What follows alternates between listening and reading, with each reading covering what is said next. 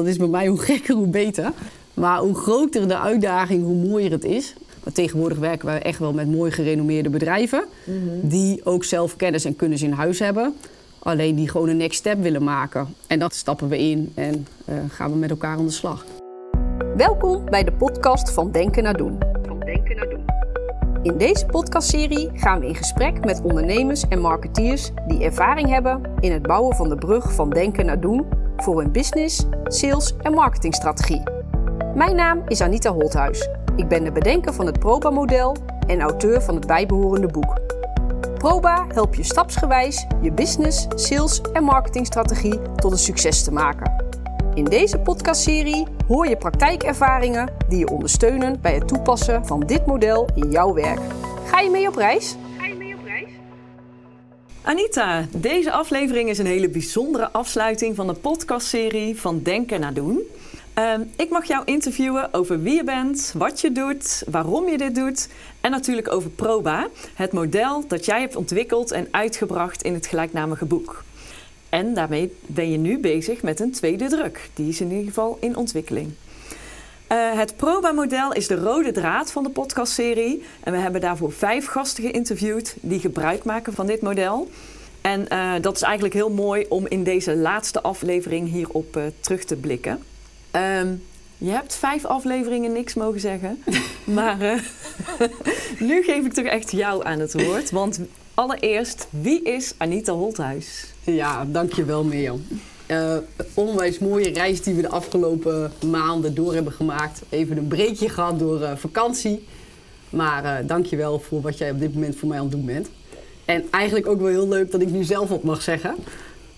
Ben een paar keer in de podcast echt heel blij en happy geweest wat er dan gebeurde. En dan wil je soms meedoen. En we zeiden nee, dat doen we niet. We houden het gesprek tussen jou en de gast. Um, en wie ben ik? Ik ben Anita Holthuis met de allerliefste vent van de wereld getrouwd, Pascal. Um, ben geboren en getogen in Apeldoorn, inmiddels 44 jaar. En uh, ik mag elke dag hele leuke dingen doen in mijn werk en daar word ik heel erg blij van. Nou, mooie korte introductie in ieder geval. Maar hoe is jouw loopbaan, hoe heeft die zich ontwikkeld? Waar ben je begonnen en hoe ja. ben je uiteindelijk hier gekomen? Ja, ik ben een doener uh, in eerste instantie altijd geweest. Mm -hmm. Dus uh, ik was uh, 19, had heel erg mijn eigen mening. Ik denk dat ik dat nog steeds wel heb. Um, en eigenlijk was het zover dat ik mijn MBO klaar had. MEAO heette dat, secretarieel. Ik wist op mijn jonge leeftijd al dat ik receptioniste wilde worden. Dat woord kon ik niet uitspreken, maar ik wist dat heel goed. En mijn vader liet mij, een, die zei ga eens mijn tante, met een tante meelopen. Die zat bij een receptie. Want dan weet je wel eens of dat het wel is. Hè? Mm -hmm. Nou, daar zat ik en toen dacht ik, dit is het. Ik mocht mensen te woord staan, ik mocht mensen helpen. Dus ik wist het zeker. Dus na, mijn MEA, of, uh, na de MAVO ben ik MEAO-secretarieel gaan doen. En was al heel snel helemaal lijp van alle vreemde talen. Uh, dus ik heb een aantal jaren ook in, uh, nadat ik mijn MEAO af had, ben ik ook meteen aan het werk gegaan. Mm -hmm. In een internationaal bedrijf in Twello. Dat is vanaf Apeldoorn een kleine 20 minuutjes. En ik heb daar in eerste instantie een paar jaar gewerkt als, uh, ja, noem het commercieel medewerker binnendienst. Mm -hmm. uh, waarbij ik uh, nou ja, even de helft van de dag Frans sprak. soms wel een paar uur per dag Duits. Oh. Um, en heb me daar ook altijd in ontwikkeld in die eerste jaren. Heel veel bijgeschoold. Ik ging extra naar Franse les. Um, nou ja, als je jong bent, dan heb je wel eens een vriendje. En dat ging uit. En toen dacht ik, nou ga ik alleen naar Frankrijk op vakantie. en toen ging ik niet op vakantie om aan het strand te liggen. Maar Aniet ging op internationale talenreis. Oh uh, jeetje. Ja, en ik heb een aantal weken daar uh, mijn Franse taal uh, verder ontwikkeld. Maar goed, na een paar jaren kwam ik erachter dat misschien nou, zo'n uitstapje naar iets anders wel interessant zou zijn. En door een relatie van mijn ouders kwam ik terecht bij IPC Groene Ruimte. Een onderwijsorganisatie in onder andere het groen onderwijs, om het even heel kort te houden. Mm -hmm. En ik heb daar ongeveer negen jaar gewerkt en heb daar mogen werken van secretarieel uh, medewerker. Uh, nou, ga je wat meer naar managementassistent, uh, teamleider van een office. Ik heb al mijn opleidingen daar mogen doen, dus leergang middelmanagement heette dat toen nog bij ISBW. Dan ging je een avond in de week naar school en dan leerde je wat meer de skills als je manager werd. Mm -hmm. um, en van daaruit mijn HBO gedaan, mm -hmm. facilitair management. Ja. Um, ik vond het en vind het nog steeds altijd het leukste wat het is om mensen te ondersteunen en in hun kracht te zetten bij wat ze doen. En ik zat dus ook vooral aan de service aan de zachte kant van facilitair. Dus vanaf receptie tot de goede klantreis die binnenkomt. Uh, maar niet echt gebouwenbeheer of inkoop, maar echt de zachte skills van facilitair. Superleuke tijd gehad. Maar al snel kwam bij IPC ehm, de vraag dat wij gingen veranderen en verzelfstandigen. Er zat een fusie en een verzelfstandiging in. En toen zei de directeur tegen mij: Ik zou heel graag willen dat jij me gaat helpen met dat veranderingsproces. Maar dat ga je niet doen met de praktijkgerichte instelling die jij hebt. Ik wil dat je een universitaire leergang uh, van het CIO, dat was sturen van veranderingen in organisaties, maar dat begint bij jezelf. Ja. Wil ik dat je gaat doen om ook daadwerkelijk uh, ja, niet alleen maar bezig te zijn met dat einddoel, maar vooral ook met het proces naar zo'n doel toe. Hij zei toen tegen mij: Het gaat niet altijd om het einddoel van de weg, om de weg die je bewandelt en welke stappen je die daarin maakt. Oké, dus jij mocht de studie doen? Ja, tijdens... ten, behoeve van die verandering, zodat ik dan eigenlijk vanuit, en dat ben ik ook wel, ik ben iemand die heel graag iets, iets kan toepassen in het werk. Hè. Ik mhm. vind het leuk om te leren, maar dan moet het wel ergens toe doen.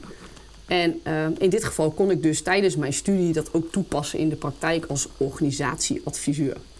Nou, loopt nou, vol, maar dat heb ik wel gedaan. En toen was dat klaar. En toen kwam mijn stap naar en alles met horeca en voeding. Ik zeg altijd, ik weet pas sinds kort waarom ik beide werelden zo fantastisch vond. Dus dat groen onderwijs, daar zit een passie, dat wil je niet weten. Mm Daar werken Bij mensen. De mensen. Ja, waanzinnig. Okay. Als je daar eenmaal in zit, uh, ik ken nog steeds zit ik in die wereld. En ik kom nog steeds elke dag mensen tegen die ik toen al kende. Nou, ik was begin twintig. Um, en toen ben ik doorgezet naar Daily Excel. Ja. Daar ben ik toen naartoe gegaan in een rol als um, wij deden daar advies en organisatie. Dat was in, uh, zoals misschien sommigen weten, DLXL doet horeca, uh, catering en de zorg. En ik ben daar toen binnengekomen op de zorg. Nu is het Bitfood. Ja, helemaal goed, dankjewel. Ja. En um, daar deed ik, zeg ja, de, de, taak had ik als adviseur uh, om veranderingsprocessen op het gebied van eten en drinken in de zorg te begeleiden. Oh. Nou, dan denk je in eerste instantie, maar je komt uit groen onderwijs, je zit als een organisatieadviseur echt op de processen. En dan ga je opeens naar het eten en drinken. Hoe kom je daar dan bij? Nou, ik wilde gewoon heel graag een commercieel bedrijf uh, leren kennen. Nou ja, goed. Ik hoef niet uit te leggen dat als je vanuit een onderwijsorganisatie komt en je komt dan binnen Bitfood binnen, hè, iets uh, dat dat wel ietsje anders is. Ja. Dus daar heb ik mijn eigen heel erg uh, ben ik tegengekomen. Maar oh. ik ben wel altijd heel erg mezelf gebleven. Gelukkig is me dat ook gelukt. En wat kwam je dan vooral tegen? Um, ja, opeens ging het niet meer met de koffiejuffrouw over uh, hoe je je voelde of uh, hoe je vakantie was geweest, want je wist alles precies. Maar doordat je ook wat meer in een buitendienstrol zat, kende men elkaar ook nog niet zo snel. Nee. Je moest echt moeite doen om daar uh, je weg te bewandelen. En als je binnenkomt vanuit een organisatie waarin je voor de overheid hebt gewerkt en dat is bekend, dan heb je de stempel niet commercieel. Oké. Um, en die heb ik mezelf misschien ook wel opgelegd. Van oké, maar hoe bewijs ik mezelf dan dat ik dat wel kan? Of wat, wat heb ik daar dan voor nodig? Nou goed, dat was een proces. Maar ik, ben daar, ik heb daar onwijs mooie mensen leren kennen ook. Allemaal vakidioten. Mm um, ik ben ook wel iemand die dat opzoekt. Ik vind het heel belangrijk om met mensen samen te werken die het gewoon gaaf vinden om iets neer te zetten en om iets te ontwikkelen. En als ik die mensen maar weer om me heen heb, dan maakt het eigenlijk niet zo heel veel uit waar ik dat doe als ik daar maar voor mag gaan. Ja, en dat was dus bij Daily? Ja, heb ik onwijs leuke tijd gehad. En daarna? Uh, ja, toen ben ik vrij snel voor mezelf begonnen. Eigenlijk, nou ja, vrij snel. Ik, even om het stapje te maken. Maar ik heb ook daar best wel een aantal jaar gewerkt. Ja. En toen ben ik uh, voor mezelf gestart. Met ProSos? Ja, gelijk uh, ProSos, ja. En waar staat ProSos voor? Ja, dat is, dat is altijd wel leuk. Dat is Pro Social Services. Oh, nee. Pro staat voor verbeteren. Mm services, de servicekant die ik net ook al een beetje schetste, die altijd als een rode draad door mijn uh, carrière is gegaan. En het stuk social, ik vind het belangrijk online, vond ik al vrij snel leuk. Ik was heel erg getriggerd door alles wat er online toen al gebeurde. Mm -hmm. Ik was mhm. natuurlijk best wel, uh, zat ik aan de kinderen, in de kinderschoenen van het online vak. Um, maar ook traditioneel, dus met elkaar in interactie komen, dat is ook social voor mij. En um, hoe heeft dan ProSos, want je bent gestart met ProSos in dat is al uh, tien jaar geleden, Tien jaar geleden, ja. Negen ja. jaar geleden. Ja. En uh, toen zag de wereld er anders uit dan nu. Ja. ja. Dus wat is daar... Hoe, welke ontwikkelingen heb je gemaakt met het bedrijf? Ja, giga.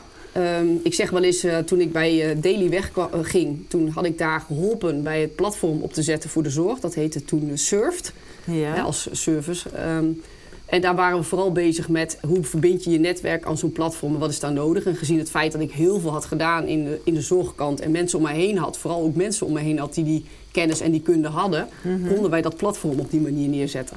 Dus ik wist ook, als ik dat binnen mijn eigen bedrijf ga toepassen, dan kan ik misschien best wel eens leuke dingen gaan doen. maar wel heel dicht bij mezelf. En wat er vooral veranderd is, dat in eerste instantie de vragen die op mij afkwamen waren... oh, jij kan iets met Facebook of jij kan iets met... nou ja, hij gaat nog even een stapje terug, maar Oh ja. kan je me daarbij helpen? Ja. Ehm, en eigenlijk was voor mij al heel snel, ja, ho even. Ehm, laten we niet meteen, we komen een beetje tussen dat denken en doen, was toen al. Laten we nou niet meteen iets gaan doen, maar waarom ga je het dan doen? ja. Dus Eh, jij want wilde altijd de vraag achter de vraag ja, eerst. Ja, en zorg dat je een kapstokje voor jezelf maakt voordat je aan de slag gaat. En wat bedoel ik daarmee? Zorg dat je een onderwerp hebt of een thema waar je mee aan de slag wil gaan. Alvorens je de acties in gang gaat zetten. Ja, Want ja. zo had ik het voor mezelf, want mijn eigen platform Anita HVL die ik destijds had, is ook zo ontstaan. Zo ben ik online leren kennen. Ik ben in 2011 bijna een jaar ziek geweest. Mhm. Voor de mensen die het niet weten, ik ben zwaar longpatiënt. Ehm, en heb daar best wel wat keuzes en eh, afwegingen in mijn leven voor moeten maken. Mhm. En in 2011, toen ik er een behoorlijke tijd tussenuit ben geweest, dat was toen ik nog bij Daily werkte. Alle credits voor de mensen die me geholpen hebben om toen de tijd weer eh, terug te komen. Want ik ben echt wel heel ziek geweest. Ehm, toen heb ik gezien dat als je in bed ligt of je kan iets niet, dat je dan online heel veel neer kan zetten. Want je hoeft er niet te zijn om wel online zichtbaar Ja, te zijn. dat was toen eigenlijk al. wel. Ja, dus Ja. ik heb dat letterlijk ook toegepast in mijn bedrijf. Van joh, ook al heb je het nog nooit gedaan, maar laten we eens kijken wat doe je nu traditioneel. En hoe kunnen we dat misschien wel een stapje verder brengen? Want als je het online zegt, zien veel meer mensen het als dat je het alleen maar Ja. met een briefje aan iemand geeft. En dat eh, Anita HVL, wat was dat dan voor soort platform? Ja, dat ging toen nog heel erg over. eh, ik was natuurlijk facilitair. Eh, dat stukje veranderkunnen zat daarin. Mhm. Eh, nou, en eh, ik noemde dat elke maand even ademhalen, letterlijk en figuurlijk. Ehm, ik ben altijd bezig en altijd in de weer. Eh, dus voor mij was dat ook altijd een reflectiemoment voor mezelf. Van oké, waar sta ik nu? Nou ja, en dan even de link naar longen. En had jij... Oh ja, natuurlijk. en had jij eh, daar blogs of eh, Mhm. dat soort dingen staan? Ja, heel grappig. Ik schreef zelf. Ik ben eh, ook da- daarin, ik ben heel erg gestructureerd en georganiseerd. Ja, Dus als ik mezelf a- afspra- als ik met mezelf de afspraak maak, elke week moet er een blog. dan, Dan, doe je bestaat dat. dat. niet dat dat een week niet komt. Oh, ja, ja, ja. Maar toen maakte ik een verre reis. Ik zat met Pascal toen eh, in een periode dat wij om het jaar een verre reis maakten. En toen sloeg de paniek toe. Want toen dacht ik, ja, ik kan niet in een week, ik noem maar iets, eh, vijf blogs schrijven. Hè? Hoe dan? Oh ja, Dus ik had me dat allemaal bedacht. En toen moest je ik, voorschrijven. nou, toen heb ik een vraag gesteld op mijn platform. Van, goh, zijn er niet gastbloggers? Want ik Oh, heb bepaalde tuurlijk. thema's. Vinden jullie dat niet leuk?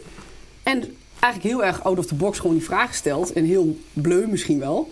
En binnen no time had ik eh, allemaal mensen die zeiden, vind ik leuk. Oh, Dus toen werd mijn blog eigenlijk een soort van ja, interactief omgeving. Waar mensen vanuit de gastvrijheidsbranche, hè, vanuit de daily zat ik natuurlijk heel erg in de eten- en drinken kant. Ehm, ik vond dat ook zelf een interessante wereld. Ik was bezig met het online stuk. Dus daar kwamen ook, nou, en zo kwamen er allerlei thema's die ik op die manier aan elkaar kon verbinden. en jouw vakantie was gevuld. Ja. Maar toen dacht ik daarna, nou dat moet ik niet loslaten, dit moet ik blijven doen. Dus ik heb heel lang op Anita HVL een, eh, ja, een soort van gastblog-omgeving gehad. En Ja. staat het nu nog of is het nu... eh, Ja, ik heb het daarna nog wel, hij is er nog steeds, alleen niet meer op die manier. Nee, nee, nee. Ik heb het een tijd lang gebruikt, ook wel eens een stukje reflectie of een soort van eh, terugblik op waar sta ik en waar wil ik naartoe. Dus misschien nog wel eens een moment om weer eh, nieuw leven in te blazen. Nieuw leven te blazen, ja. Ja. Oh, oh, mooi. Ja. En ehm, dus jij zegt van, ehm, want we waren eigenlijk over de ontwikkelingen van Ja. ProSos, hè? Dus Ja. eh, ProSos die eh, was in eerste instantie van, eh, kun je me helpen met... Ja, Eh, ja, even heel plat, hè, een berichtje maken, want dat, daar hebben we geen tijd voor. En waar staat het nu? Ja, nou ja, in die, in- het is inmiddels 9,5 jaar verder. Ehm eerste jaar I Will Survive eh, gevoel wel eens gehad. Ehm, ik, het leek me altijd heel erg leuk, en dat is het ook, om eh, met jonge mensen te werken die net van school afkwamen of net van school komen. Of misschien wel een richting hebben gekozen waarvan ze dachten, hé, hey, dit is het misschien niet. Eh, die kwamen bij mij Mhm. werken. Ehm, en dat kostte altijd best veel energie en inspanning om te zorgen dat je dan met elkaar wel aan de leuke dingen en mooie dingen kunt werken. Dat vraagt een Ja. stuk ontwikkeling. Ja. Ehm, ik heb zelf geen kinderen. En eh, ergens was het ook wel dat ik dan mensen dacht van... nou, als ik nou met jonge mensen werk, dan kan ik ze helpen in die ontwikkeling. Ik Ja. had daar een trigger in. Leren, ontwikkelen, vind ik leuk. Mhm. Ehm, dat is me ook niet altijd makkelijk afgegaan. Want ja, hoezo vind jij het nou niet zo leuk als dat ik het vind? Ja. Nou, een beetje een primaire vraagstuk als je onderneemt, denk ik. Mhm. Ehm, dus daar heb ik ook mijn leermomenten in gehad, zeker. Ehm, en toen het eenmaal lekker liep eigenlijk, toen ging het ook best hard. Ik heb, uiteindelijk had ik acht man in dienst. Oh, En dan zeg ik het woordje had. Ehm, want toen ontstond er corona. Nou ja, toen Oh, jij en ik elkaar leerden kennen, toen eh, was het het dieptepunt. maar wij hebben ook heel vaak gezegd, daar heb ik ook met jou vaak over gehad. Toen was het eigenlijk ook wel weer een nieuw begin. ja. Eh, want het bedrijf raakte wat van me af. Ehm, dus ik had een bepaalde ideeën bij waar ik naartoe wilde en hoe ik dat zag. Maar als je meer mensen hebt, moet je ook dingen los leren laten. Ehm, alleen vroeg ik mezelf dan wel eens af, ja, pas ik hier dan nog? Ja. Dus wat ik dan heel vaak deed, dan zocht ik zelf interim opdrachten op... waar ik een paar dagen in de week kon zijn. Ehm, En het bedrijf liep wel. en het bedrijf liep dan wel. Ja. Maar nogmaals, als je dan op vrijdag, of maakt niet uit welke dag, naar binnen stapte... dat je wel eens dacht van, nou, als dit het dan is... dat was toch ook niet helemaal waar ik heen wilde. Ik kon Ja. dat ook niet zo goed handjes en voetjes geven, hoor, wat dat nou exact was. Maar corona was dan een mooie Ja, tijd die eigenlijk een reset ja, gaf. ja, volledig. Maar, en dat, dat is dan ook wel weer mijn handicap. Ik vind dat het allerleukste wat er is om altijd maar weer opnieuw te beginnen en nieuwe dingen te ontwikkelen en dat neer te zetten. Want dat was het natuurlijk bij de eerste keer ook wel. Het stond. Hmm. En ik had dat met een heel groot team kunnen doen of ik had dat nog met andere mensen kunnen doen. Maar dat rondje, Ja. dat liep wel. Niks te nadelen. En klanten blij, ik blij, mensen hier blij. Alleen als je mij echt aankeek, ben je dan blij? Mm. Dus toen ik het opnieuw mocht doen, toen dacht ik, ja, nu ga ik het gewoon nog een keer doen. Maar dan misschien wel meer vanuit een idee wat ik in mijn hoofd heb. En toen kwam ook het idee van het boek van, nou, ik ga dat gewoon zo doen. En heb jij het boek in coronatijd geschreven? Ja, eigenlijk kwam het toen wel bij elkaar. Vooral ook omdat ik eh, de tweede keer het bedrijf niet alleen heb gedaan, zeg ik altijd. Maar met, het, met de collega's die er toen voor kozen, die hebben dat ook echt bewust gedaan om bij mij te blijven. Hè, er waren mensen waarvan ik de keuze moest maken om te stoppen. Ehm, dat deden we in goed overleg, maar dat gebeurde wel. En ik had een aantal wat vastere collega's die zeiden van... Anita, maar ik zou het wel echt heel tof vinden om het met je nog een keer te doen. Ja. Ehm, dus die hebben, die hebben daar ook in bijgedragen. Zo van, oké, Heb je met elkaar gedaan? ja, en Marijn eh, was daar toen ook al bij. Ehm, dus we hebben toen wel met elkaar gezegd van... oké, hoe zien we dan onze toekomst en wat vinden we dan leuk om te doen... en wat moeten we misschien anders doen. En wat ontstond er toen?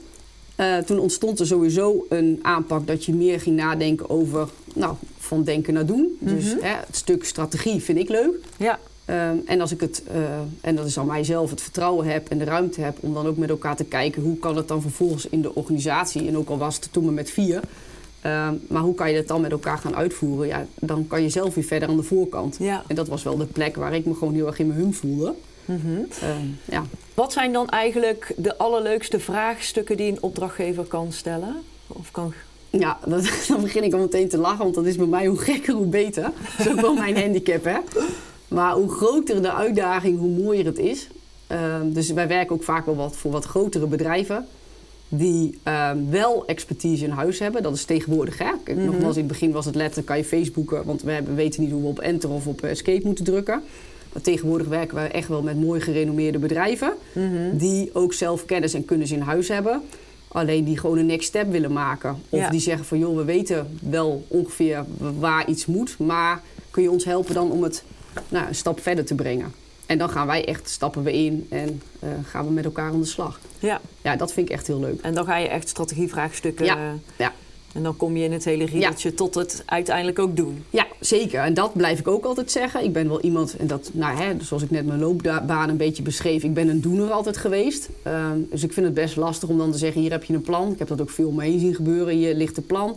En ga het maar doen. Dat je dan denkt: ja, maar hoe dan? Want dat is vaak het moeilijkste, hè? Om, dat, om dat plan om te gaan zetten in acties en die mensen ook mee te nemen. Om mijn veranderkunde weer om de hoek kijken. Ja. Maar om die mensen mee te zwoemelen in, eh, in dat hele proces. En als je het dan heel kort samenvat, hoe is dan eigenlijk jouw proba-model ontstaan? Ehm, nou ja, simpelweg omdat ik al jarenlang die aanpak gebruik. Eh, dus ik vind het belangrijk om eerst te weten wat heb je al. Je kunt wel meteen zeggen, joh, wat is je probleem? Zeg het maar. Nee, daar zit wat achter. Dus als je weet wat de huidige situatie is. eh, je weet wat iemand... En mensen denken ook vaak over... eh, ja, maar we willen gewoon meer omzet. Ja, dat is leuk, maar hoezo dan? En wat speelt er dan in je bedrijf? Dus ik wil gewoon beter weten... wat is dan ook echt je doel... eh, waar, je, waar, waar je naartoe wilt. Eh, en als je dat opschrijft, kan je straks als je het rondje verder bent... kan je ook echt daarop terugkijken. En maak dat ook even goed concreet. Uh, dus vanuit, en dan kom je bij uitdagingen. Heel veel organisaties hebben uitdagingen. Of het dan nu in hier en nu is met personeel. Uh, maar dat is ook, een tijd geleden was het ook van ja, we hebben een marketingafdeling die zit in hokje A. En de salesafdeling zit in hokje B. En uh, oh ja, we moesten ook iets samen doen. Dus die uitdagingen, die, die zie ik. En ik vind het juist interessant om die aan elkaar te verbinden.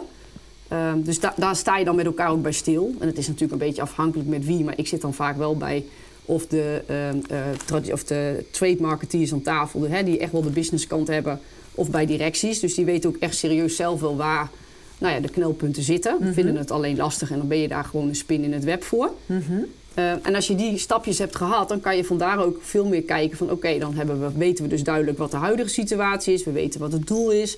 We weten wat onze interne en externe uitdagingen zijn. En dan kan je verder met elkaar. Dus dan kijk je naar de doelgroepen van oké, we willen dit graag bereiken, maar we merken nou, of het wel of niet lukt. En hoe gaan we dan zorgen dat we die reizen goed in kaart brengen?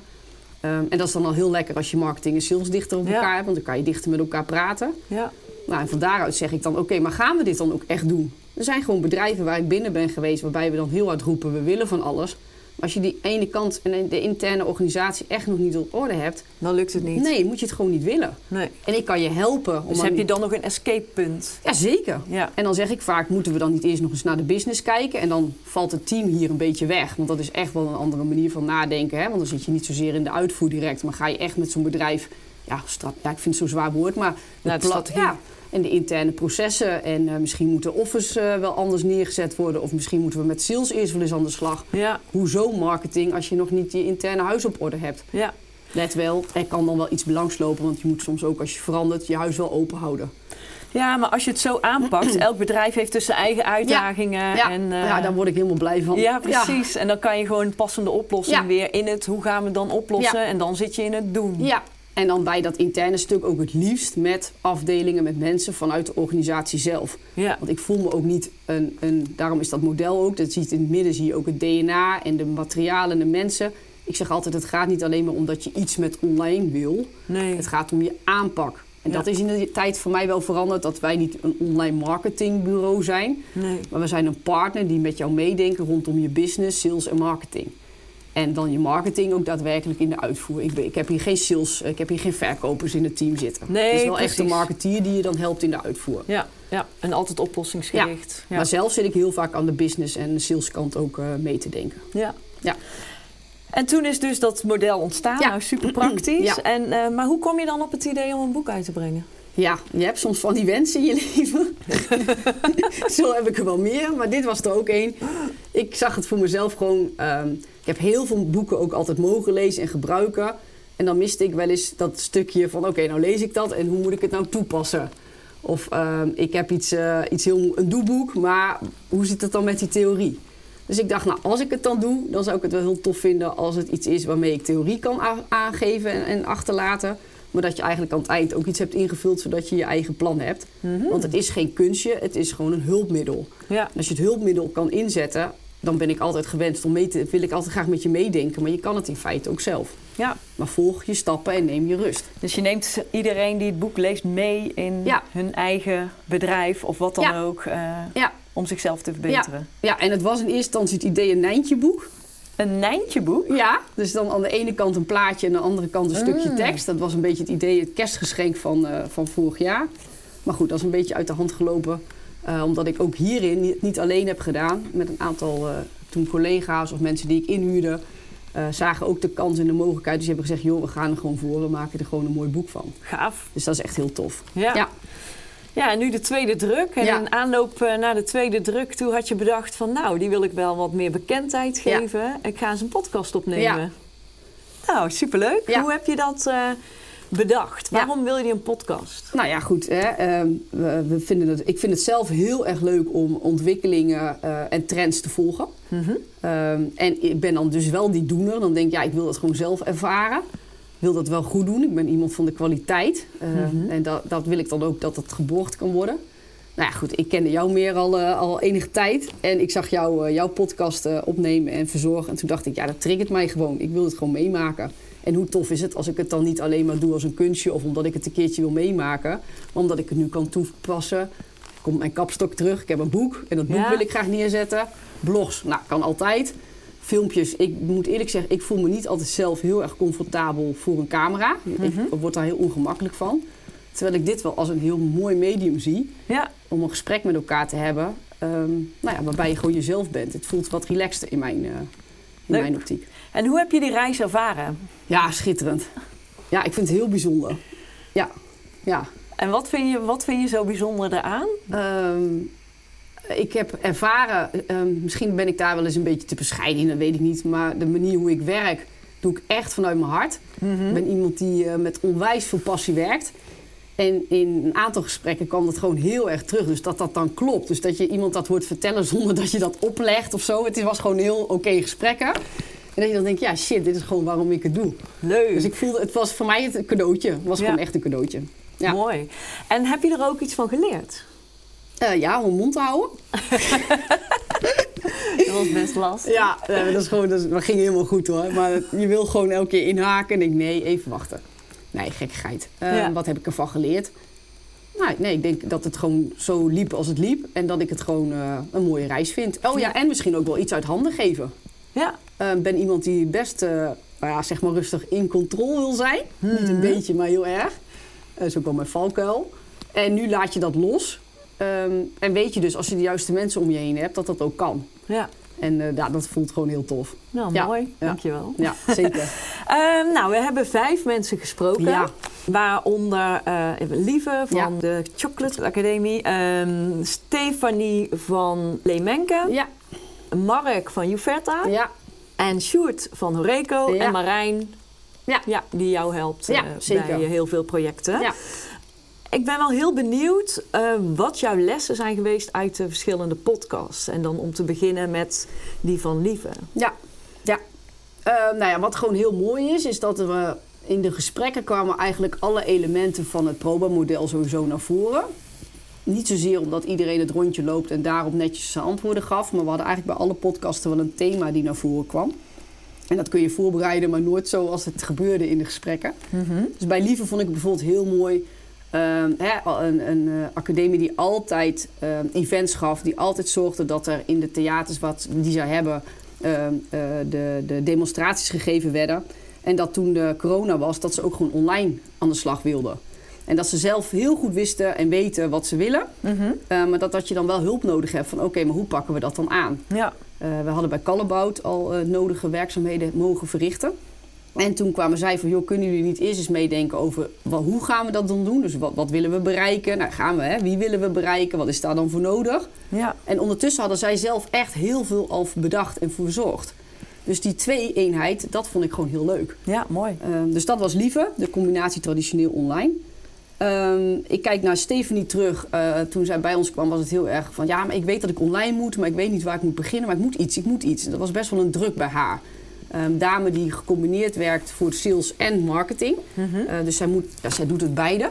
Ja. Ehm, in een heel mooi eh, bedrijf wat in ontwikkeling is. Ehm, en toen ik met haar in de gesprek inging, kwamen we eigenlijk veel meer op ook weer het verhaal: oké, voordat je nou heel erg in je hoofd hebt dat je heel veel moet doen, moet doen, laten we dan eens kijken wat we gaan doen en waarom.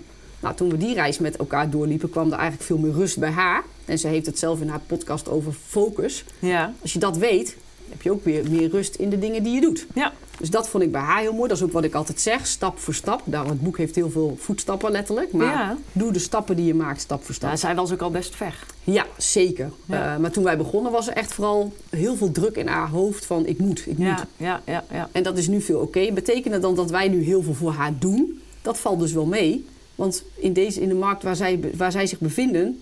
vraagt dat een hele andere aanpak... als alleen maar in online of met een foldertje. Dus Ja, de aanpak precies. daar naartoe is heel anders. Eh, bij Sjoerd vond ik het heel leuk. Ja, het was gewoon eigenlijk super. Eh Sjoerd zat zeg maar wat meer richting de customer succes. Mhm. Ehm, dus eh, wat, je, wat ik dat heel mooi vind. Ik ben zelf heel erg gecharmeerd van het onderwerp. Ehm, de samenwerking die je kan creëren door samen te werken tussen marketing en customer succes. Zodat je niet als marketeer in die ivoren toren zit en je kunstjes bedenkt en je campagnes bedenkt. Maar dat als je dichter zit op customer succes, al dan niet rondom sales, dat je met elkaar veel beter de markt begrijpt. Ja. Want we hoeven niet allemaal buiten te zijn. Maar op het moment dat je die werelden combineert en veel meer van elkaar hoort, kan je ook veel beter vliegwiel zijn voor je organisatie. Ja. En dat is eigenlijk ook wel waar ik voor sta bij de meeste bedrijven die ik help. Ga niet los van elkaar je werk doen, maar zorg dat je, nou, ik vind het woord smarketeer, dat hoor je tegenwoordig veel. Sales ja. en marketing, nou, dat hoeft voor mij ook allemaal niet. Nee, maar wel dat je met elkaar praat. Ja, dat er een combi is en dat, Dat je, je met misschien met elkaar elkaar op pad gaat, dat je elkaar snapt. En als je elkaar niet begrijpt, dat je eens naar elkaar wil luisteren. Ja, precies. Dat vond ik heel mooi bij Sjoerd. Ja, en Mark. ehm, ehm, nou, ik ben zelf groot, eh, ehm, ja, nogmaals, steeds meer bezig met die combinatie sales, marketing, inhoud. En als Ja. je kijkt bij Juvetta is er natuurlijk een gigantische combinatie tussen de inhoud van een onderwijsorganisatie en alles wat daarmee te maken heeft in relatie met leven lang ontwikkelen, waar Mark voor werkt, maar waar ik zelf ook voor eh, werkzaam ben uh, binnen Juvetta, heb ik die rol. Om uh, te helpen bij hoe zorgen we er nou voor dat je een onderwijsorganisatie ook richting sales brengt. Ja. Um, en dat doe je dus niet alleen maar door te vertellen wat je heel goed kan en dat allemaal tot in de details te verwerken. Maar dat je aan de voorkant ook laat zien wat kunnen wij nou eigenlijk, wat kunnen we voor je betekenen. Ja. Nou, in de hele zware commerciële wereld is het dan al vaak, ja, moet je daar nog over nadenken? Ja, want daar hebben we wel eens een, een, beurs gehad waar ik een stand had waar we de hele achterkant, bij wijze van spreken, van het bedrijf nog niet hadden staan. Dan stonden we toch op die beurs. Uh, maar hier wil je de inhoud willen ze zo graag zo goed hebben mm -hmm. dat ze dan nog wel eens die voorkant vergeten. Ja, precies. Nou, in, in, die wereld uh, je bevinden en daar je weg in vinden, daar vond ik dat Mark dat heel goed heeft gebracht. Um, en ik ben blij dat ik daar zeker onderdeel van mag zijn. Ja, want dat hebben we in het begin nog niet echt aangetipt. Ja. Want jij bent natuurlijk ook nog werkzaam voor Juvetta. Ja, zeker. En misschien wil je nog heel even kort, voordat we naar Marijn gaan, Ja. heel even uitleggen wat je daar doet. Ja, tuurlijk. Ik ben daar eh, eh, manager business en marketing. Ja. Um, en die rol heb ik eh, eh, nu inmiddels, eh, ja, eigenlijk nu voor, vanaf half eh, juli, of vanaf juli ben ik daar. Mhm. Ehm, en daarvoor ben ik vanuit ProSos ook eh, ingehuurd geweest. ja. Uh, maar mijn rol is dat ik daar een uh, managementrol heb om uh, ja, de business en de marketing een stap verder te brengen. Dus dat doe je naast je eigen bedrijf. Ja. Ja.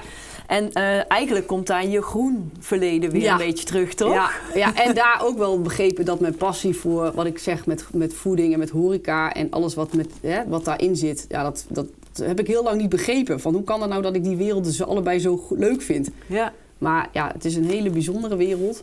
Uh, maar er zitten gewoon vakidioten en ik denk dat ik daar heel goed op ga. Ja, maar dat is bij allebei de branches, Ja. hè? Ja, Ja. dus dat is wel mooi. Ja. Oké, mooi. En eh, Marijn, wat heb je daarvan? eh Ja, Marijn is natuurlijk eh, eh, voor mij al een paar jaar een eh, maatje in het eh, vak. Eh, waar ik het heel leuk vind om soms nog heel vage en eh, nieuwe ideeën om te zetten in, eh, in een strategie. Eh vindt Marijn het heel tof om het ook om te zetten in doen. mhm. Ehm, en daar ook eh, ja, de beschikking heeft over tools om dat neer te zetten. Denk aan eh, website development, maar ook aan online marketing ontwikkelingen. Waarvan hij nou ja, echt up-to-date is en weet wat hij doet. Hij neemt daar ook onze collega's in mee binnen het team. Leuk. En ik denk dat dat gewoon een mooie is van, joh, weet je, je kunt heel veel bedenken. Maar als je niet dicht op de praktijk zit, wordt het gewoon heel lastig om het uit te voeren. Ja. En soms is het ook wel lastig om het in je eigen bedrijf allemaal te hebben. Eh, want het vraagt echt heel veel. En de wereld van, nou ja, of het nou online of traditionele marketing is, gaat gewoon wel snel. Hmm, En, zeker. en hoe hou je dat bij? Nou, ik denk dat wij daar eh, gewoon een hele mooie rol in spelen om dat eh, met elkaar te, te verwezenlijken. En daar is Marijn, ja, denk ik, gewoon een mooie verbinder in. Dus eigenlijk, als we terugkijken, dan zijn alle aspecten wel aan bod gekomen. En heb jij... Ja, ik denk nog dat we ooit nog eens naar het stuk doorontwikkelen. Ik zie heel veel bedrijven starten met, eh, met eh, marketing, hè, met online marketing. En Ja. dat neerzetten is allemaal heel veel werk. Daar zijn we druk mee. Maar vergeet ook niet om na te denken over een stukje doorontwikkeling. Voordat je weer bij nul begint. Dus elk jaar in september denken, oh, ik moet alles weer nieuw doen. Dan Ja. denk ik dat dat wel meevalt. Nee, je moet eigenlijk gewoon weer terug Ja. even herijken. Waar staan we nou? Ja. Wat waren we van plan? Wat hebben we bereikt? En dan weer... Ja, en, en kunnen we het niet verbeteren of, of, of nog uitbouwen in plaats van weer alles opnieuw te doen? Want dan blijf je maar rondjes lopen. Dus we hebben ook echt zo'n negende stap als escape van joh, kijk eens wat je meer kan, mooier kan maken of verbeteren. En heb je dat nu ook opgenomen in je tweede Ja, boek? ja, zeker. Zit ook in het eerste, maar dat hebben we in beide eh, hebben we dat gedaan. Ah, ja, top. Dus op basis van meten en eh, weten wat je doet, stop dan niet van oké, nu moet ik weer opnieuw beginnen, maar kijk hoe je het kunt verbeteren. En dat is best lastig, hè? Want dat Mhm. rondje lopen en er maar mee bezig zijn, ben je zo blij dat je het klaar hebt. Ja. Dan moet je eigenlijk nog weer dieper. Ja, Ja. weer dieper. Ja, ja, Ja. ja. Anita vindt dat leuk. Ja, ja, dat is een beetje mijn uitdaging. Ja, precies. Nou, een mooie terugblik op, eh, op de podcast. Zeker. Eh, als we allemaal zo een beetje teruggaan, heb jij nog een laatste iets wat je mee wil geven aan de luisteraar? Ehm, iets mee wil geven. Ah, Ja. ik, ik voor mezelf doe gewoon ontzettend wat je leuk vindt. Ja, Eh, ik ben al een aantal jaren echt wel op zoek en op jacht wat ik leuk vind. En ehm, die weg is nog niet klaar. Daar ben ik, zit ik vol in. Maar inmiddels weet ik het wel dat het voor mij heel belangrijk is om mensen om me heen te hebben waar ik mee kan bouwen, ontwikkelen. Ehm, en, en dat heb ik nodig. En een ander heeft misschien een heel ander klimaat nodig. Zoek vooral op waar je je comfortabel in voelt of waar jij die trigger in hebt die je nodig hebt om een volgende stap te maken. En dat kan zijn in het denken. Eh, want omdat Ja. je daar gewoon heel blij van wordt, dat kan zijn in het doen. En in mijn geval betekent dat dat ik gewoon een combinatie nodig heb om eh, ja, iets neer te mogen zetten, maar dan ook te laten zien wat het in de praktijk doet. En dat is voor mij wel heel belangrijk. Nou, super mooie afsluitende woorden. Dankjewel. Ja, en uh, eigenlijk wil ik jou super bedanken dat je mij uh, hebt gevraagd om deze serie op te nemen. Ja. Ik heb het echt met heel veel liefde en plezier voor je gedaan. Dus uh, ja. ik ben eigenlijk wel heel erg trots op wat we samen neer hebben gezet. Ja, ik ook. En misschien nog wel heel leuk om als laatste te zeggen: um, de brug tussen denken en doen. Als je leert hoe je daar overheen loopt, is geen doel onhaalbaar. Nou, dat is echt het allermooiste om af te sluiten. Dankjewel. Alsjeblieft. Dankjewel voor alles. Bedankt voor het luisteren naar de podcast van Denken naar Doen. Denken naar Doen. Herken jij het praktijkverhaal en vind je de informatie waardevol? Mag ik je dan vragen om deze podcast te delen via je social media kanalen en vergeet mij niet te taggen. Heb je interesse naar meer praktijkervaringen of heb je aanvullende vragen? Volg me dan via LinkedIn of Instagram. Wil je zelf aan de slag? Bestel dan mijn boek Proba